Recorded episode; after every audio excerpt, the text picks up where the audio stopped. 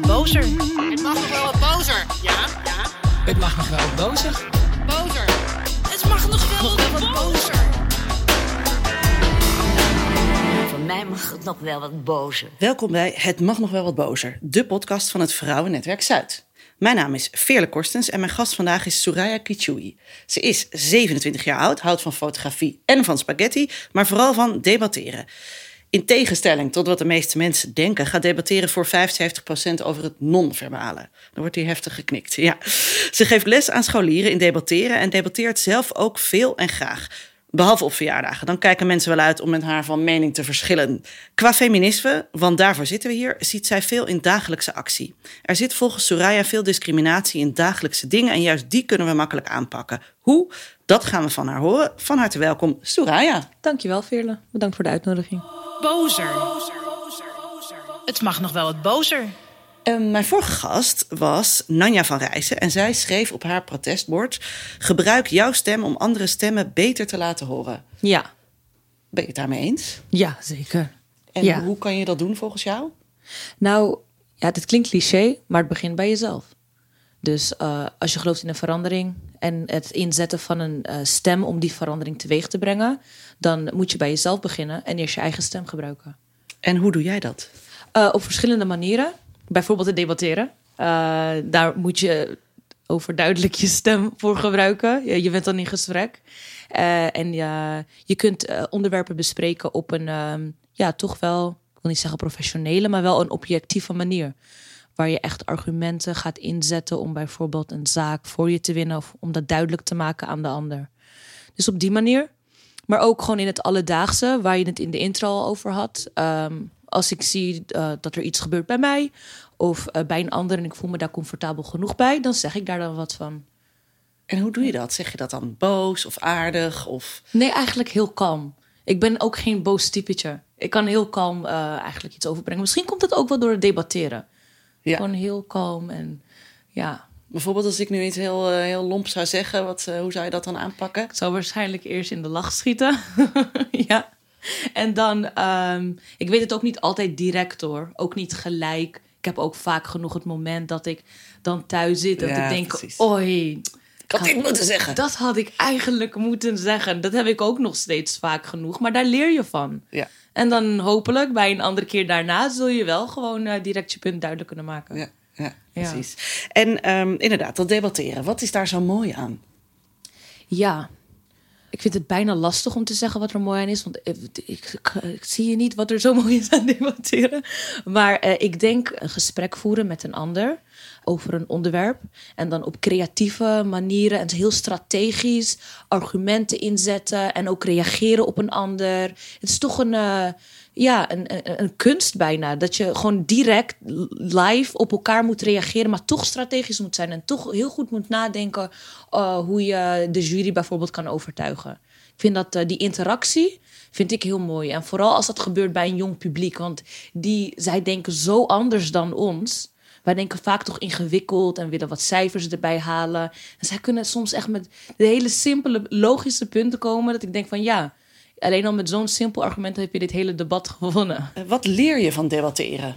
Bij debatteren leer je vaardigheden die je niet altijd of net te weinig leert eh, op school. Sociale vaardigheden zoals ehm, leiderschap, eh, creatief denken.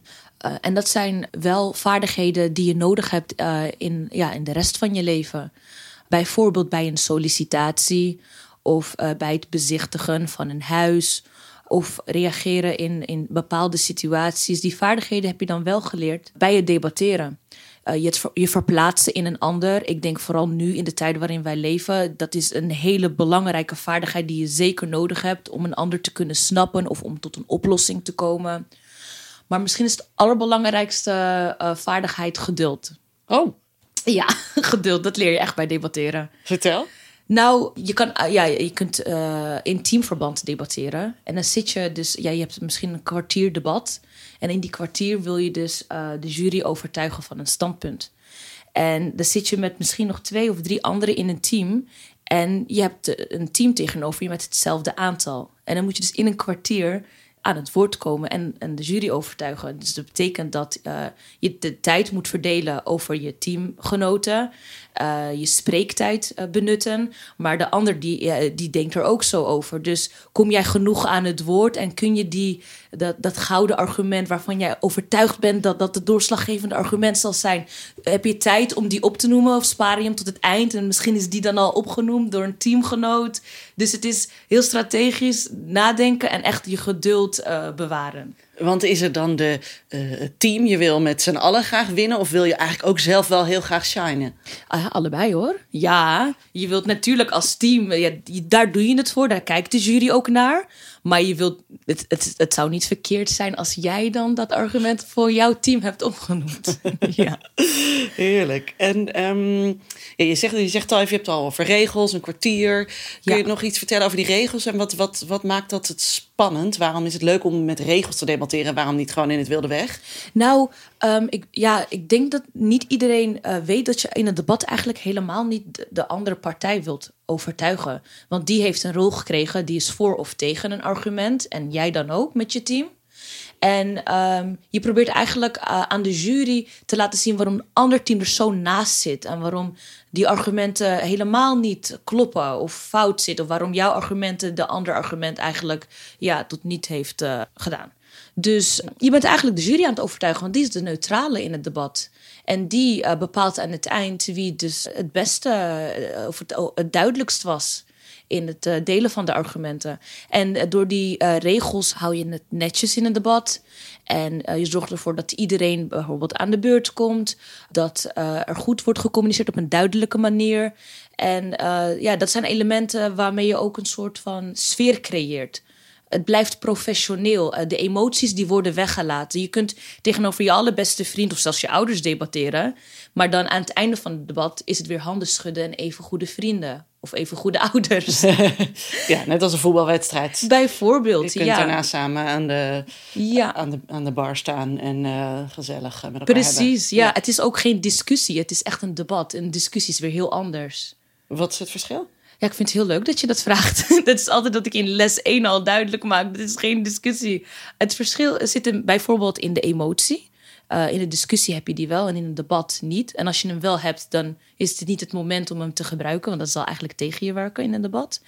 En in een discussie ben je eigenlijk heel egoïstisch je eigen zaak aan het verdedigen. Bijvoorbeeld tegen je moeder dat je niet om tien uur naar bed wilt, maar dat je lekker tot half twaalf, twaalf uur wilt gamen. En het gaat vooral over jezelf. En je luistert ook niet naar je moeder, want jij wilt, jij wilt, jij wilt.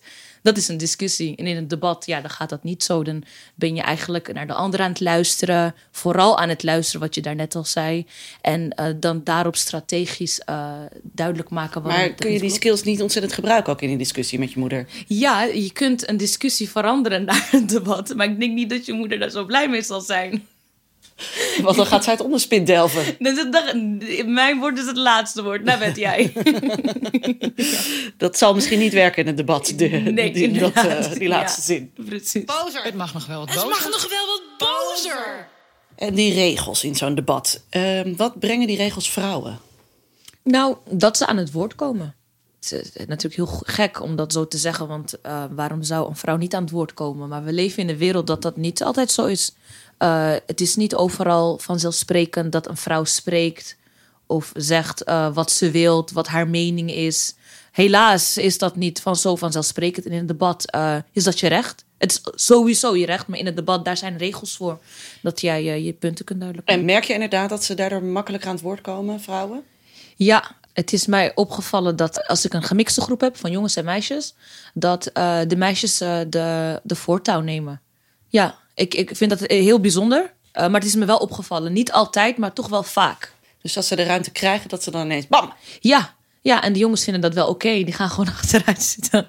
Die vinden het wel relaxed. Die denken, hoeven wij niks te doen. Ja, Of- ja? ja? inderdaad. Ja, klopt. Ik wil niet iedereen over één kam scheren, maar ja, dat is wel hoe het gaat. Eh, meiden zijn heel gepassioneerd en die, die eh, gaan er helemaal voor. Jongens kunnen dat ook, maar in een gemixte groep eh, zie je toch wel dat eh, ja, meisjes eh, het, het, het, het, het graag eh, overnemen en de jongens vinden dat oké. Nou, voor mij mag het nog wel wat bozer. En ehm, als we het hebben over dagelijkse discriminatie, Ja. wat voor voorbeelden denk je dan aan? alleen al hoe wij eruit zien, ons uiterlijk eh, als vrouw. Als wij een maatje meer hebben, dan, eh, dan, is dat, dan wordt daar gewoon veel over gezegd. Daar is een mening over. Ik heb, vaak, ik heb genoeg mannen horen zeggen dat eh, zij liever willen dat eh, hun toekomstige vrouw maximaal een maatje S dragen. Of ja, Wow. ja, heel heftig. Of dat als zij een topje draagt en haar buik is te zien en dat buikje is dan niet afgetraind. Dat er dan wordt gezegd, hm, dat, dat truitje had ze beter niet kunnen dragen. Dat is niet gemaakt voor haar lichaam. Echt heel erg. Ja. Maar als een man eh, niet met een topje loopt, maar als een man wat voller is, dan is dat weer eh, schattig. Of dan is hij groot en dan voelen eh, we ons veilig daarbij. En dan is het zo'n papa-beer. Het is gewoon heel, er wordt gewoon heel anders naar gekeken. Ja. En we zijn ook anders, man en vrouw. Maar als het gaat om bijvoorbeeld een maatje meer, dan is dat bij een vrouw iets negatiefs en bij een man iets positiefs. Ja, Ja, is mij opgevallen. dat is wel treurig. Ja, heel erg. En wat kunnen we daaraan doen? Eh, er wat over zeggen. Als jij in een gesprek zit en zoiets wordt, eh, zo'n opmerking wordt gemaakt, ja, je mond opentrekken. En En dat kan jij. dat, ja, en ik besef ook dat het niet altijd even makkelijk is. Ook voor mij niet, maar ook voor een ander niet. Dus het is wel heel makkelijk praten hier achter de microfoon. Van Ja. zeg er wat van, Ja, zo'n ja, oproep.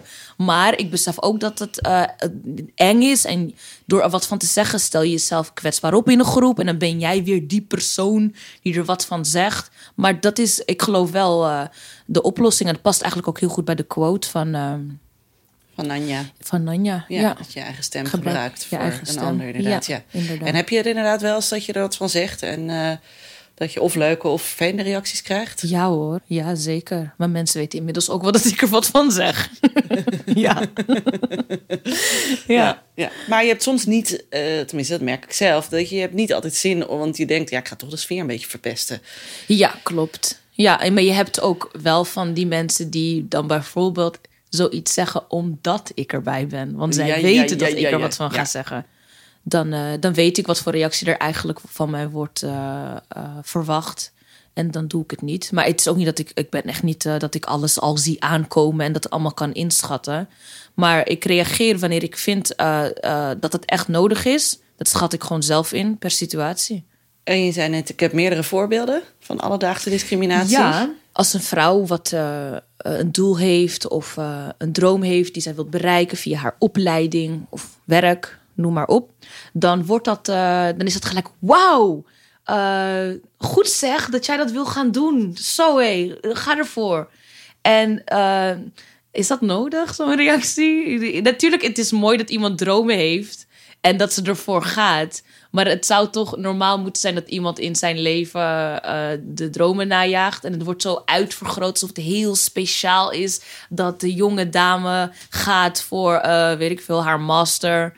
Eh, dat zou toch normaal moeten zijn? Waarom moeten we dat zo uitvergroten? Ik, ik snap ook wel dat mensen misschien nu vinden dat ik wel erg naar de details zoek van waar de problemen liggen. Maar dat valt ja, mij gewoon weer op dat het zo bij een vrouw heel bijzonder is. En voor een man is het gewoon onderdeel van zijn studie. Of onderdeel van zijn baan. Ja. Of ja, natuurlijk zit hij aan de directie, daar heeft hij toch voor gewerkt. Mijn vrouw Saad is een vrouwelijke directrice. Ja, ja, ja, ja. Dat wordt dan weer uitvergroot. Is dat altijd- nodig, dat uitvergroten? En dat zul je ongetwijfeld ook gehoord hebben, dat er eh, mensen tegen jou zeggen van, oh, wat bijzonder eh, wat je aan het doen bent. En heb je dan wel eens iets over gezegd en dat iemand zegt, ja, joe, ik geef je een compliment, wat zit je nou? Nee, dat heb ik niet meegemaakt. Nee. Nee, nee. Nee, ik heb niet dat iemand dan denkt eh, dat, dat, dat hij daar beledigd van raakt of zo. Oké, Ja, dus je weet het op zo'n manier Ja. te brengen dat het eh, ja, wel gepikt wordt. Dat het, Ja. mensen het zien als een hmm, goed ja, punt. ja, ja, ja. Bozer. Het mag nog wel wat Het bozer. mag nog wel wat bozer. En ehm, als we het echt hebben over dagelijkse discriminatie, merk je ook gewoon dat je, weet ik het, eh, dat je onderbroken wordt in een vergadering. Of dat je Ja. ergens niet komt waar een man wel komt. Of eh, dit soort dingen. Heb je dat zelf ervaren? Mm, Ja, zeker. Ja, het- vooral dat eerste, dat van de vergadering. Ja, dat ik dan eh word onderbroken. Het zal vast ook andersom zijn hoor, dat andere wordt, dat bijvoorbeeld een man wordt onderbroken. Maar ja, ook, ja, het klinkt nu wel allemaal hetzelfde, maar dan zeg ik er gelijk wat van. Ik, ik stop de vergadering en dan, eh, dan wil ik, ik wil eerst mijn punt afmaken. Dat is Ja. eh, heel goed van je. Ook eng hoor, maar ik doe het wel, ja. Ja. ja. Dat heb je, deed je vast niet vanaf het begin. Nee, helemaal niet. Ja, ik wist al- ja. Als het gebeurt ehm, en je bent er niet van bewust dat, het eigenlijk gewoon heel problematisch is dat je iemand anders niet laat uitpraten. Dan laat je het ook gewoon over je heen komen. En denk je, oké, ik schrijf het wel op voordat ik het vergeet. En dan zeg ik het straks nog eens. Of het is nu al opgenoemd door een ander, laat maar zitten. Maar nee, stop de vergadering. Maak je punt. Je hoort niet onderbroken te worden. Het is ook gewoon niet netjes. Gewoon in ons omgangs... Uh, in ons omgang, ja, respect voor een ander. Ja, we hebben het al de hele tijd over het debatteren, maar waar bestaat jouw werk eigenlijk uit? Het trainen van jongeren in de buurt in Amsterdam Zuid. Uh, bij het jongerenwerk kom je wel. Leer ik jongeren de vaardigheden van het debatteren. Ik organiseer debatten. Uh, ik heb daarnaast een, uh, een jongerenraad opgericht met andere jongeren uit de buurt. Waarin we eigenlijk jongeren uit Amsterdam willen enthousiasmeren over ehm, de kracht die zij hebben en de stem die zij kunnen gebruiken om veranderingen teweeg te brengen in de stad. En het gaat heel goed. We hebben ehm, korte lijntjes met uh, ambtenaren en lokale politici uit de gemeente. En die komen dan ook op uitnodiging. En dan uh, hebben we het over verschillende thema's waarin jongeren dan hun stem gebruiken. En uh, ja, veranderingen teweeg brengen in Amsterdam. Ja, ja, dus leren wat jij ook geleerd hebt. Je mond open trekken als je het ergens niet mee eens bent of als je onderbroken wordt. Ja. En inderdaad ook leren van, je hebt een stem die wat waard is en waar je ook iets mee kan. Ja, precies. En dan, uh, we hebben het nu dan vooral over onze eigen stem en op persoonlijk vlak. Maar uh, je hebt natuurlijk ook een vlak, bijvoorbeeld de stad. Wat wil je in de stad veranderen? En dan kom je dus eigenlijk op voor mensen die dan problemen ervaren met uh, zaken die zich afspelen. Dan doe je het voor een ander. Dan zet je jouw tijd en jouw stem in voor een ander. En hoe heb je dit zelf geleerd? Ik krijg deze vraag heel vaak. Ik wil niet zeggen dat het van nature zo is. Maar um, ja, ik, ik vind uh, praten überhaupt gewoon heel erg leuk. Uh, ik ben altijd uh, al geïnteresseerd geweest in debatten of in politiek. En um, ik ben er um, ingerold via vrijwilligerswerk. We waren toen bezig met een project in samenwerking met een debatorganisatie. En zo heb ik van deelnemer heb ik mezelf zo kunnen werken naar gewoon coach, een debatcoach. Dus ja, via de trainingen die ik bij de debatorganisatie uh, heb geleerd, die heb ik dan zo kunnen inzetten voor de groep jongeren. Ja. ja. En uh, de dingen waar we het over hebben, uh, herken je dat ook bij de jongeren met wie jij werkt? Dus de dingen over nu emancipatie en discriminatie, merk je dat? Ja, um, ik merk dat de jongeren uh, veel uitgesprokener zijn. Dat zij al veel verder zijn in het, uh, in het denkproces. Toen ik die leeftijd had, was ik nog niet zo ver als hun. En misschien komt dat ook wel door social media. Ik uh, denk dat ik pas social media ging gebruiken toen ik misschien, ja, ik denk 19 was. En deze kinderen hebben het al zodra ze een telefoon van hun ouders krijgen of toegang hebben tot een computer. Dus op die manier krijg je in een paar klikken zoveel informatie over je heen van de hele wereld. Zoveel invloeden, zoveel uh, meningen van anderen. En dan, dat zet, jou, dat zet je aan het denken. Maar op welke manier zijn zij dan al verder, zeg jij? Wat hebben ze extremere uh, denkbeelden? Hebben ze, zijn ze voor ultieme gelijkheid tussen man en vrouw? Hoe, uh, hoe moet ik dat zien? Ja, bijvoorbeeld, ze kunnen bepaalde zaken gewoon beter verwoorden. Uh, dat ze al een mening hebben over iets en dat ze er niet over twijfelen. Dat ze toch ook wel standvastiger zijn. Bijvoorbeeld wat je daarnet opnoemde, uh, gelijkheid. Ik denk dat het in mijn tijd vooral een uh, hele um, romantische gedachte was van we moeten met z'n allen gelijk zijn en laten we met elkaar in gesprek gaan. En nu is het meer van nee, je moet actie ondernemen, er moet gewoon verandering komen. En ze praten al over politiek en ja, dat uh, is heel anders dan toen in mijn tijd. De barricade op. Ja, inderdaad. Ja. Wel cool. Ja, ja, vind ik wel gaaf. Ja. ik zie het wel ook veel rooskleuriger in voor die generatie. ja. ja. Ja, dat is best wel leuk, toch? Ja. Zeker. Het mag nog wel wat bozer. Ja, ja. Heb je zelf ook discriminatie ervaren? Ja. Als vrouw? Ja, ja. Zeker wel. Op welke manier? Bepaalde vragen die ik krijg, maar een ander bijvoorbeeld niet. Wanneer ik bijvoorbeeld ga trouwen. Ja. Of um, ja, wanneer ik de volgende stappen ga maken in het leven. Uh, ik woon nu op mezelf. Nou, maar alleen zonder man. Ja, dat zijn toch wel. Uh, ja, spannend of zo. Oké, okay. ja. dat is toch anders dan het traditionele. Maar uh, ik heb een broertje, die is nu 21. En toen hij dezelfde leeftijd als mij bereikte, toen ik die vragen gesteld kreeg, eh, aan, hem, ja, aan hem werden die vragen niet gesteld. En ik snap ook wel waarom. Uh, ik ben een vrouw en die moet natuurlijk gaan trouwen en kinderen gaan krijgen. Maar waarom moet je als man niet gaan trouwen? En nee, krijgen? precies. Dat vraag ik mij ook af. En ook uh, gewoon met uh, getrouwde vrouwen bij familiegelegenheden, dat hen, hun dan wordt gevraagd uh, wanneer er een kind aankomt. En als ze al een kind hebben, wanneer de tweede eraan komt, of de derde of de vierde. Het is nooit genoeg.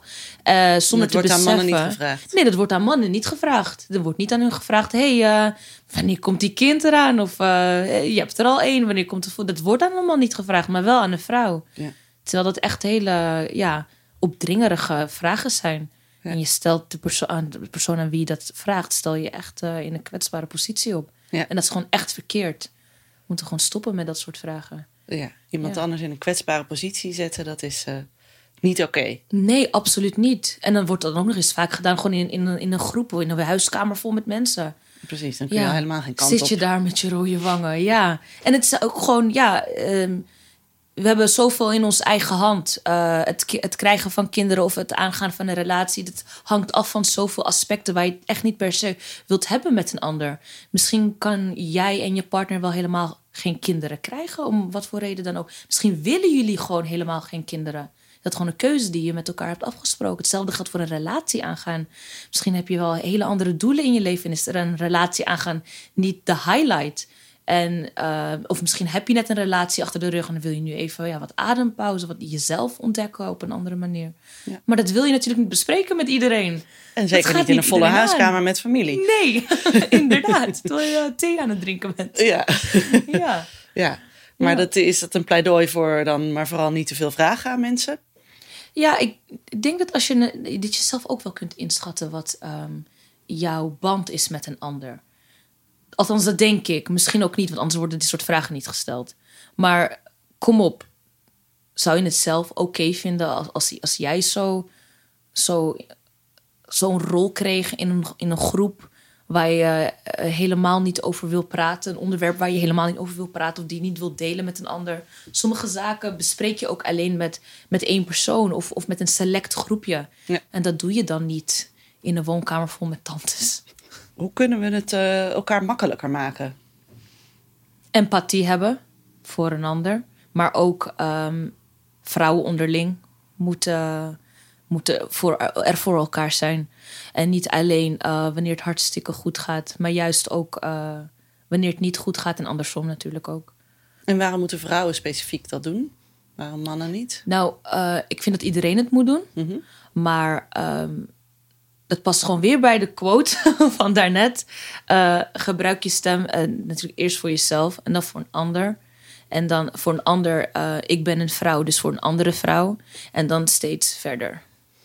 Zodat alle vrouwen het uiteindelijk beter krijgen op die manier. Ja. Dat is een olievlek. Ja, want hoe kunnen we, het, hoe kunnen we vragen van een, van een ander um, om dat voor ons te doen als wij het zelf niet eens doen?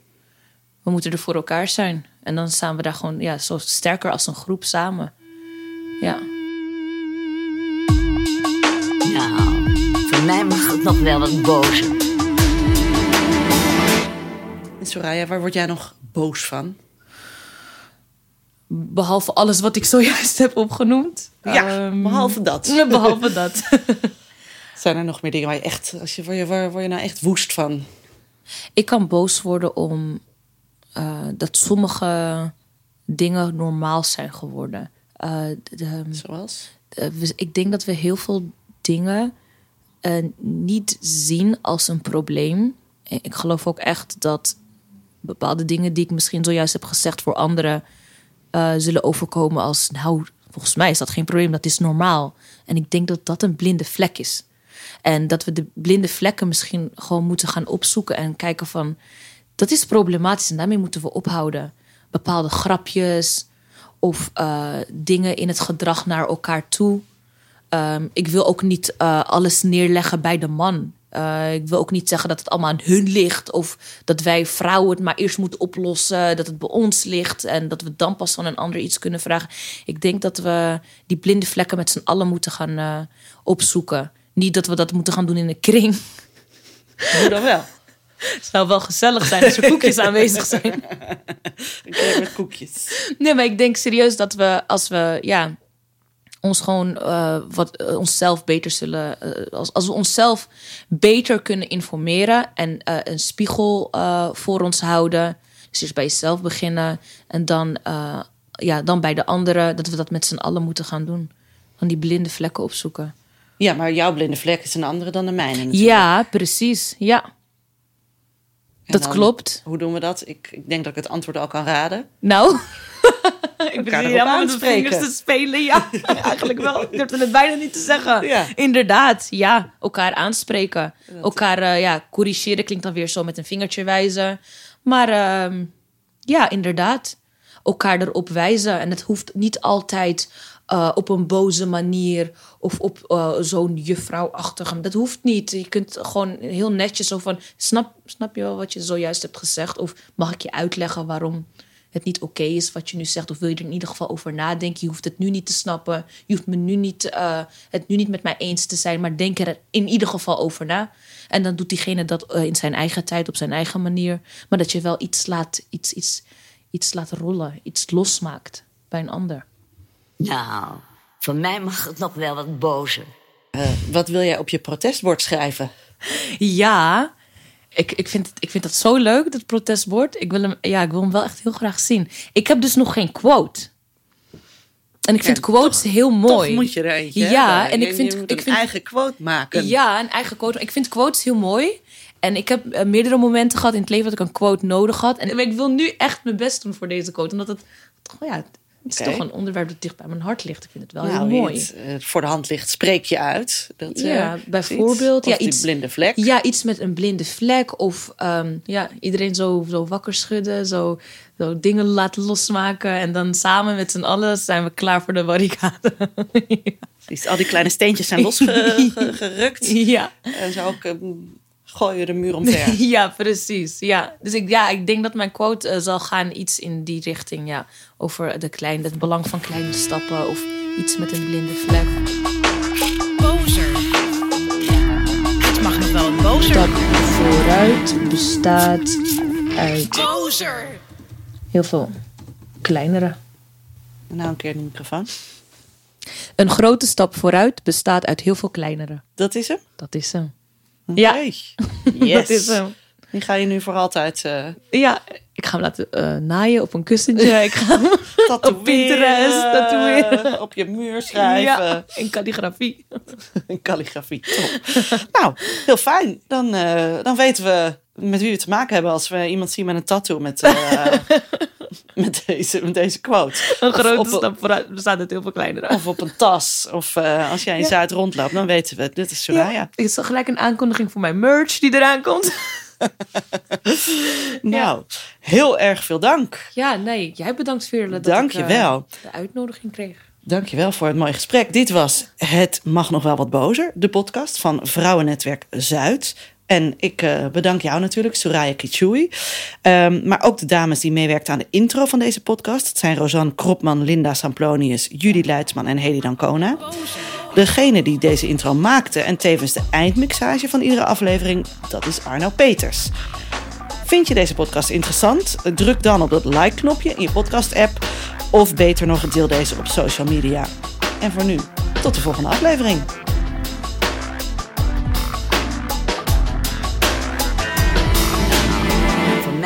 Nog wel wat bozer.